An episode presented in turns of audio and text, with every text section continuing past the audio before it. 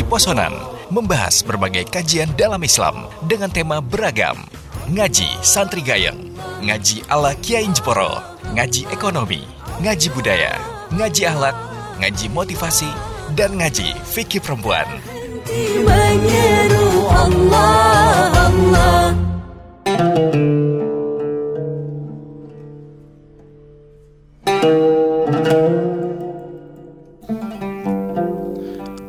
Assalamualaikum warahmatullahi taala wabarakatuh. Innal hamdalillah wassalatu wassalamu ala Rasulillah. سيدنا ومولانا محمد بن عبد الله وعلى آله وصحبه ومن تبعنا الهدى إلى يوم القيامة قالوا سبحانك لا علم لنا إلا ما علمتنا إنك أنت العليم الحكيم وتب علينا يا مولانا إنك أنت التواب الرحيم وقال أيضا laqad kana lakum fi rasulillahi uswatun hasanah uswatun hasanatun liman kana yarjullaha wal yaumil akhir. Wal yaumil akhir wa dzakarallahu katsir Alhamdulillah sahabat Erlisa yang dimuliakan oleh Allah. Pada kesempatan sore hari ini kita dipertemukan oleh Allah dalam kajian atau program ngaso ngaji posonan yang diselenggarakan oleh Radio Erlisa. Alhamdulillah kita diberikan umur oleh Allah dipertemukan dengan bulan suci Ramadan. Dan alhamdulillah kita insya Allah akan menyelesaikan puasa pertama kita. Insya Allah puasa yang pertama pada hari ini insya Allah puasa yang dimulai dengan hari Jumat insya Allah akan membawa berkah pada kita semua. Sahabat Erlisa yang dimuliakan oleh Allah, Allah menurunkan Rasulullah Shallallahu Alaihi Wasallam untuk menjadi suri toladan bagi kita semua. Yang mana toladan itu harus kita contoh. Kenapa Rasulullah itu dijadikan suri toladan bagi umat? Karena akhlak beliau itu selalu terpantau oleh Allah dan selalu akan diingatkan oleh malaikat Jibril. Apa pun yang telah dilakukan, apa pun yang telah diucapkan, wa ma yantiqul anil hawa in huwa wahyu yuha.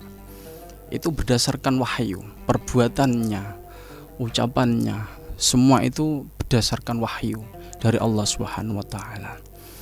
Jadi kita harus kembali atau kita harus menyontoh kepada Allah kepada Rasulullah Shallallahu Alaihi Wasallam yang mana beliaulah satu-satunya nabi yang diutus oleh Allah untuk menjadi suri toladan bagi kita semua.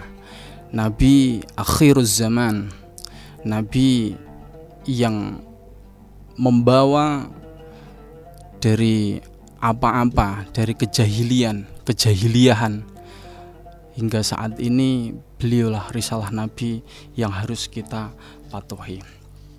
Sahabat Erlisa yang dimuliakan oleh Allah, seorang mukmin atau orang muslim ya. Sabda Nabi Muhammad Shallallahu Alaihi Wasallam khairun nas anfa'uhum linnas. Sebaik-baik manusia adalah yang paling bermanfaat bagi manusia. Atau lain, ada hadis lain yang mengatakan sebaik-baik manusia adalah manusia yang memiliki akhlak. Kita walaupun memiliki ilmu yang tinggi, kita memiliki kekayaan yang banyak, kita memiliki apa-apa yang ada di dunia ini, akan tetapi ketika kita tidak memiliki akhlak, baik akhlak itu kepada manusia, baik itu itu akhlak kepada Allah, baik itu akhlak kepada makhluk-makhluk yang lain, itu tidak ada harganya. Oleh sebab itu, akhlak merupakan pondasi kehidupan. Pondasi awal ketika kita ingin meraih sebuah kesuksesan baik kesuksesan itu di dunia maupun di akhirat yaitu terletak pada akhlak. Akhlak itu merupakan kunci yang harus kita pegang karena akhlak itu akan menjadikan kita yang akan menyelamatkan kita dari apa pun karena akhlak itulah yang akan menjadikan kita pada kehidupan ini menjadi tenang menjadi tentram. Karena kalau bukan karena akhlak itu apa-apa akan menjadi hambar. Sahabat Erlisa yang dimuliakan oleh Allah terjadinya alam atau di era modernisasi ini akhlak itu menjadi nomor sekian. Yang penting adalah urusan duniawi. Itu itu sekarang paradigma atau pola pikir sekarang itu yang ada seperti itu. Padahal kita di dunia ini bukan menjadi satu-satunya atau tujuan paling inti ya. Bukan tujuan paling inti. Intinya apa? Bertakwa kepada Allah. Takullah wa husnul khuluq bertakwa kepada Allah dan berakhlak dengan akhlak yang baik. Akhlak ini bisa diterjemahkan banyak sekali. Banyak sekali. Jadi perbuatan ucapan kita ibadah kita itu semua harus pakai akhlak. Orang berilmu kalau tidak memiliki akhlak maka dia akan jatuh jatuh apa reputasinya? Atau jatuh harga dirinya? Karena apa? Tidak memiliki akhlak. Ketika seorang yang memiliki ilmu ilmu itu kan banyak. Jadi kalau dia tidak memiliki akhlak, maka orang itu akan menilai dengan mudah. Dan ketika orang yang tidak memiliki akhlak itu akan menilai sesuatu itu dengan seenaknya. Makanya ketika kita sebagai orang muslim itu kan diajari ya, diajari bagaimana kita harus husnudon, husnudon kepada teman kita husnudon kepada siapa pun. Terus berhusnudon kepada Allah ya. Jadi ketika kita e, menjadi hamba terus kita mengalami sebuah kegelisahan atau mengalami e, permasalahan ekonomi ini menjadi sebuah kegelisahan terus kita menyalahkan Allah itu bagian uh, dari seseorang yang tidak memiliki adab, memiliki adab ya, memiliki adab. Jadi adab, adab atau akhlak kepada Allah. Jadi kita harus berhusnudon kepada Allah. Kenapa Allah memberikan kita seperti ini? Kita harus bisa berintrospeksi diri atau kita harus tafakur tafakur fi khalqillah ya. Kita harus berpikir berpikir bahwa Allah mungkin Allah memberikan saya seperti ini itu akan lebih baik. Allah memberikan saya kekayaan seperti ini mungkin ini akan lebih baik bisa jadi ketika seseorang itu dikasih kekayaan mungkin ketika dia dikasih kekayaan kalau dikasih uh, ujian Eh, apa harta tidak ada itu mungkin efeknya akan lebih banyak ya bisa maling, rampok dan sebagainya. Tapi ketika seseorang itu dikasih uh, ini apa kekai uh, pas-pasan, artinya dia hanya cukup dalam kehidupan sehari-hari. Ini mesti Allah punya skenario lain. Barangkali ketika dia dikasih uh, harta oleh Allah, ini akan menjadi sombong, takabur kepada Allah. Nah, ini Allah sudah memiliki uh, takaran-takaran sendiri. Sehingga seseorang itu diajarkan ketika kita uh, beragama, ketika kita belajar, diajarkan husnudon. Salah satunya itu harus husnudon kepada Allah. Kalau kita menganggap seseorang kalau e, menilai seseorang kalau tidak dibarengi dengan akhlak maka penilaian itu akan nerunyam jadi eh, hal-hal yang sifatnya mungkin sepele bisa dibesar-besarkan ya. Hari ini era digital. Orang semua bisa menggunakan Android. Semua orang bisa mengakses internet. Kalau orang itu tidak memiliki etika tidak memiliki akhlak tidak memiliki sopan santun kiai pun akan dibully ya. Kiai pun akan dibully. Banyak sekali di media sosial. Seorang ulama yang ngajinya bertahun-tahun itu dibully orang yang tidak pernah ngaji. Hanya karena apa? Karena nafsu dan tidak memiliki akhlak. Husnudonnya kepada seorang ulama tidak ada. Husnudonnya kepada seorang pejabat tidak ada. Ini akan menjadi keruh akan menjadi permasalahan-permasalahan di dunia ini. Kalau orang hanya mengandalkan nafsunya, hanya karena mengandalkan kepentingannya, maka akhlak ini, eh, maka dunia ini akan hancur sehancur-hancurnya. Karena apa? Karena tidak memiliki akhlak.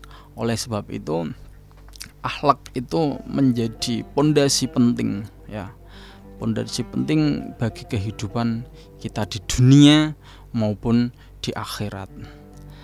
Jadi Rasulullah Shallallahu Alaihi Wasallam juga bersabda yang diriwayatkan oleh Imam Tirmidzi.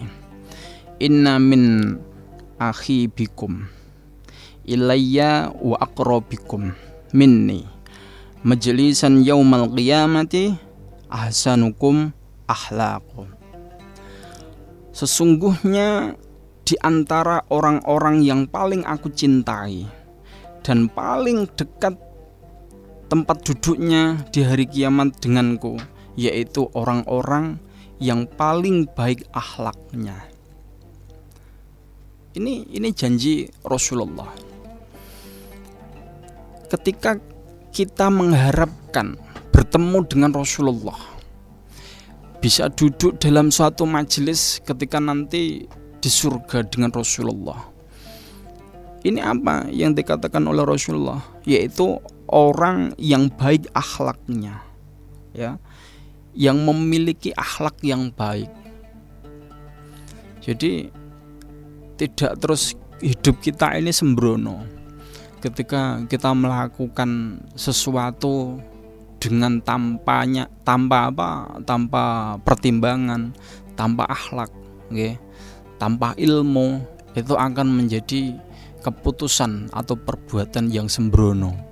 Ketika sembrono itu di dunia itu tetap akan kita akan berurusan dengan hukum, hukum yang berlaku di dunia.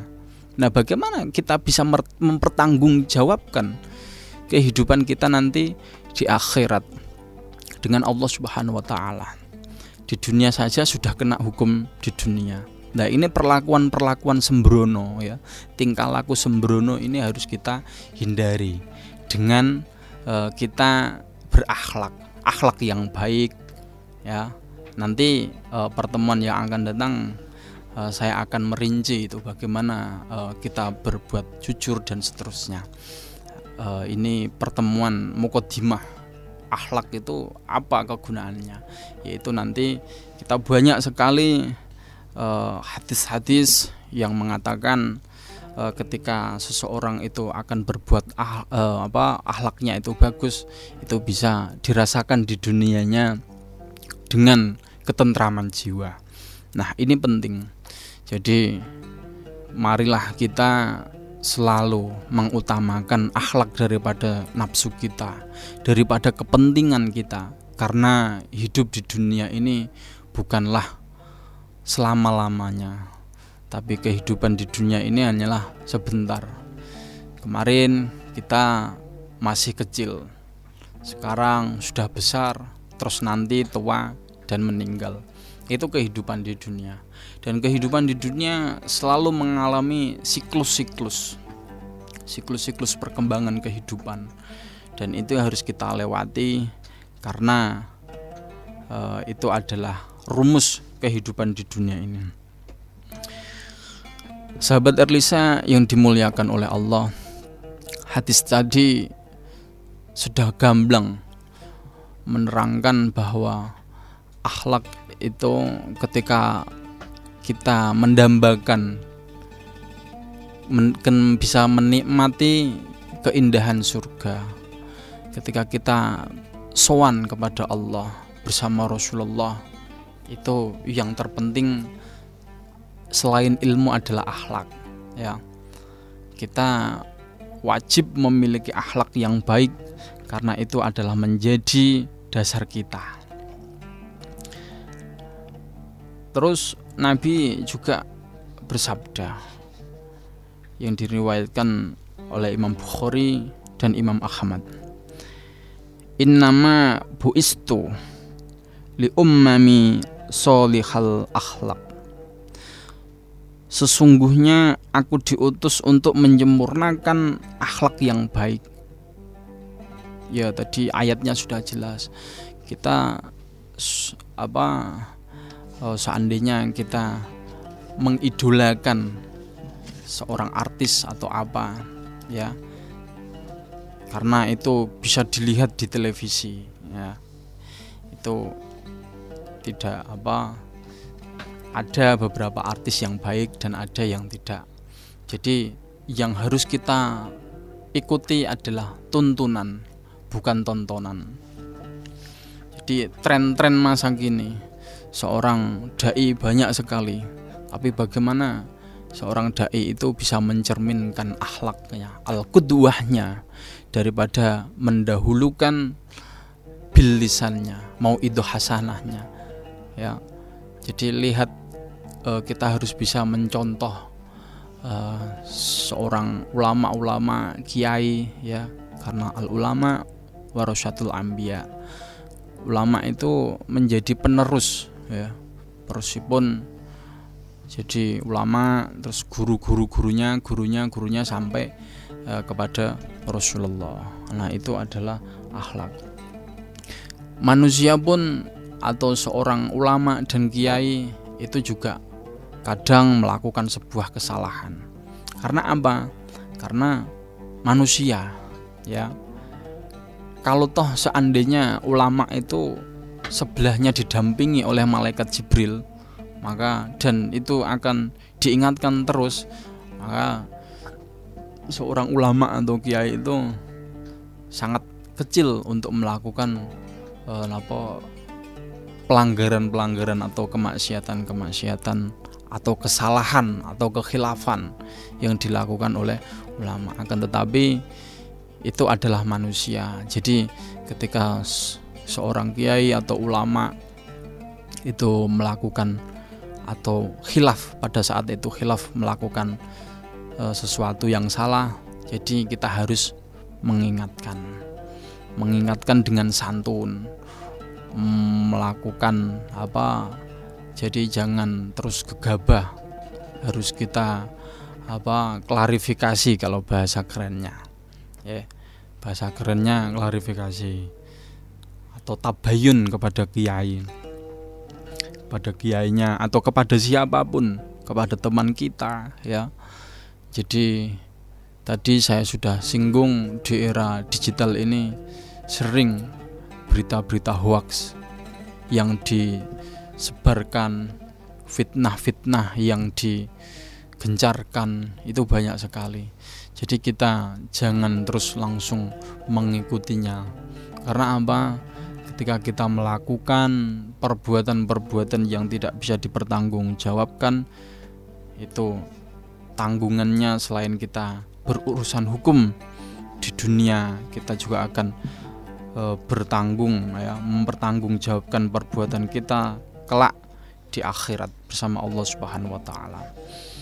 Jadi sekali lagi ketika kita di dunia ini, di dunia ini jangan berpikiran bahwa dunia ini adalah tujuan. Itu jangan. Kegaduhan di dunia ini dikarenakan kepentingan-kepentingan mengutamakan nafsunya daripada uh, apa etika atau akhlak. Jadi ketika kita sering lebih memprioritaskan kepentingan maka yang ada hanyalah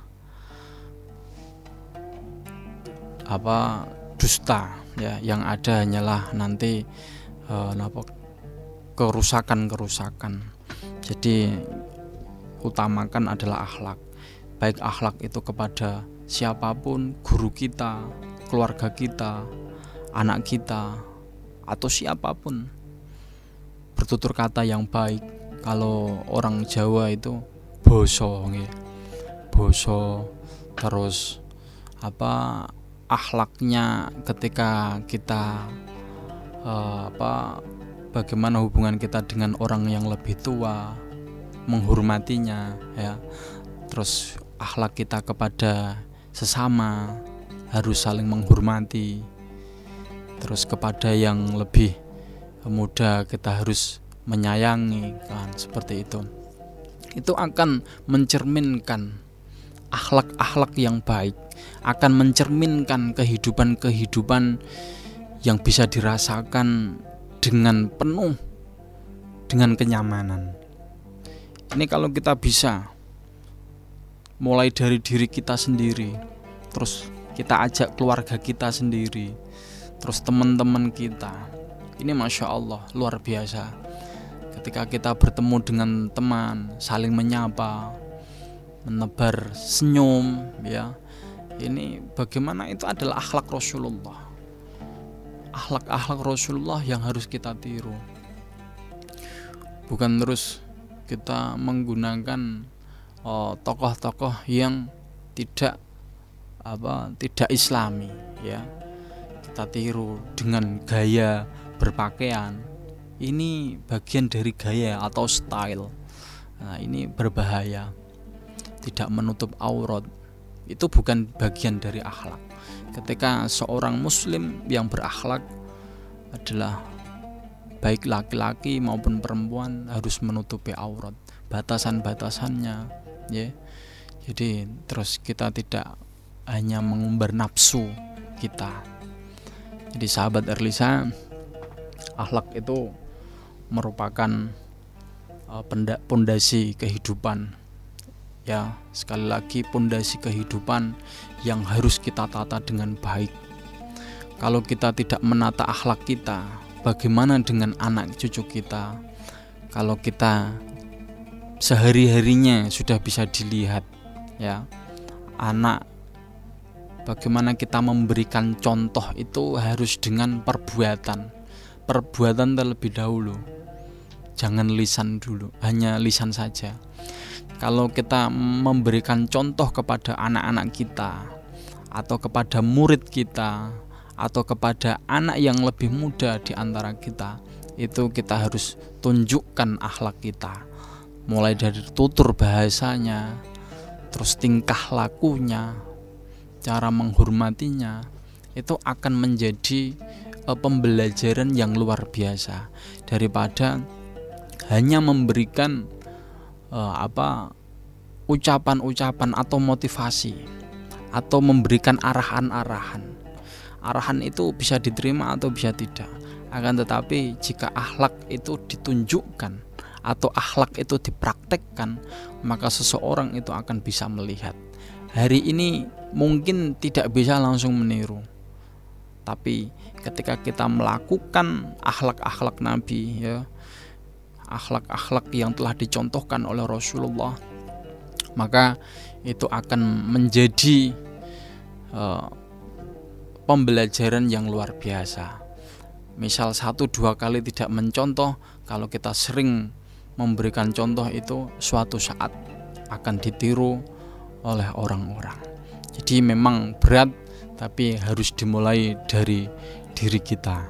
Mulai dari sapa terus tutur bahasa yang baik, akhlak dengan perilaku yang baik, bagaimana beribadah dengan baik, hubungan dengan teman yang baik, dengan tetangga yang baik, itu akan hasil dari sebuah akhlak itu akan mencetuskan ketentraman dalam kehidupan kita sehari-hari. Akhlak kepada istri akhlak kepada anak, akhlak kepada guru, semua telah diatur dalam uh, kehidupan atau sudah diatur dalam agama Islam. Tinggal bagaimana kita upaya kita untuk mencari tahu, upaya kita untuk selalu menghadiri majelis-majelis ilmu, majelis-majelis zikir itu akan lebih baik daripada di dunia kita hanya memprioritaskan kehidupan di dunia tanpa kita mempertimbangkan kehidupan kelak kita di akhirat.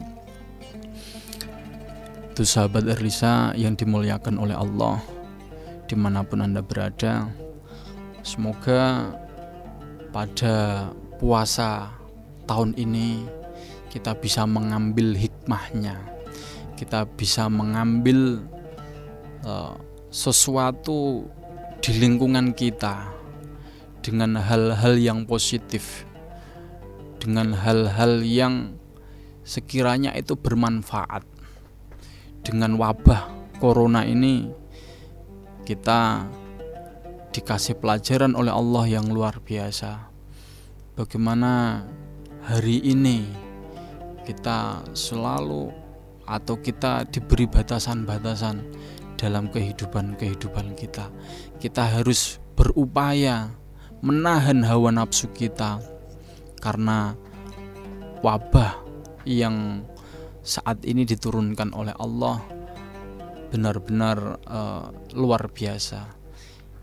Selain ini menunjukkan kekuasaan oleh Allah, itu juga kita diperingatkan untuk selalu tafakuh selalu untuk beribadah kepada Allah jangan selalu mengumbar hawa nafsu untuk wabah. Kali ini orang yang bisa merasakan itu akan kalau orang yang benar-benar taat akan bisa semakin tambah taat.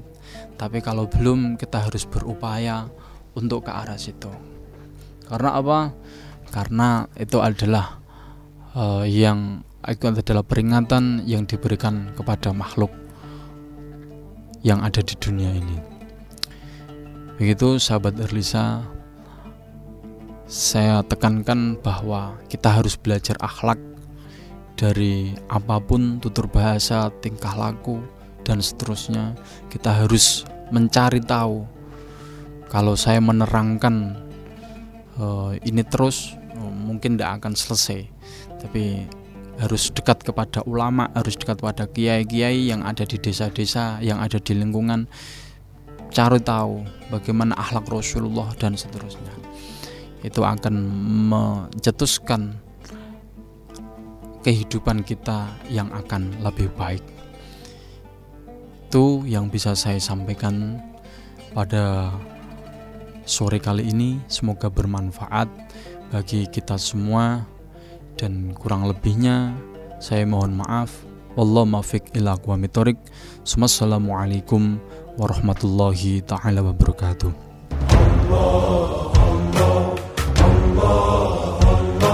Ngaji Posonan membahas berbagai kajian dalam Islam dengan tema beragam. Ngaji Santri Gayeng, Ngaji ala Kiai Jeporo, Ngaji Ekonomi, Ngaji Budaya, Ngaji Ahlak, Ngaji Motivasi, dan Ngaji Fikih Perempuan. Allah, Allah.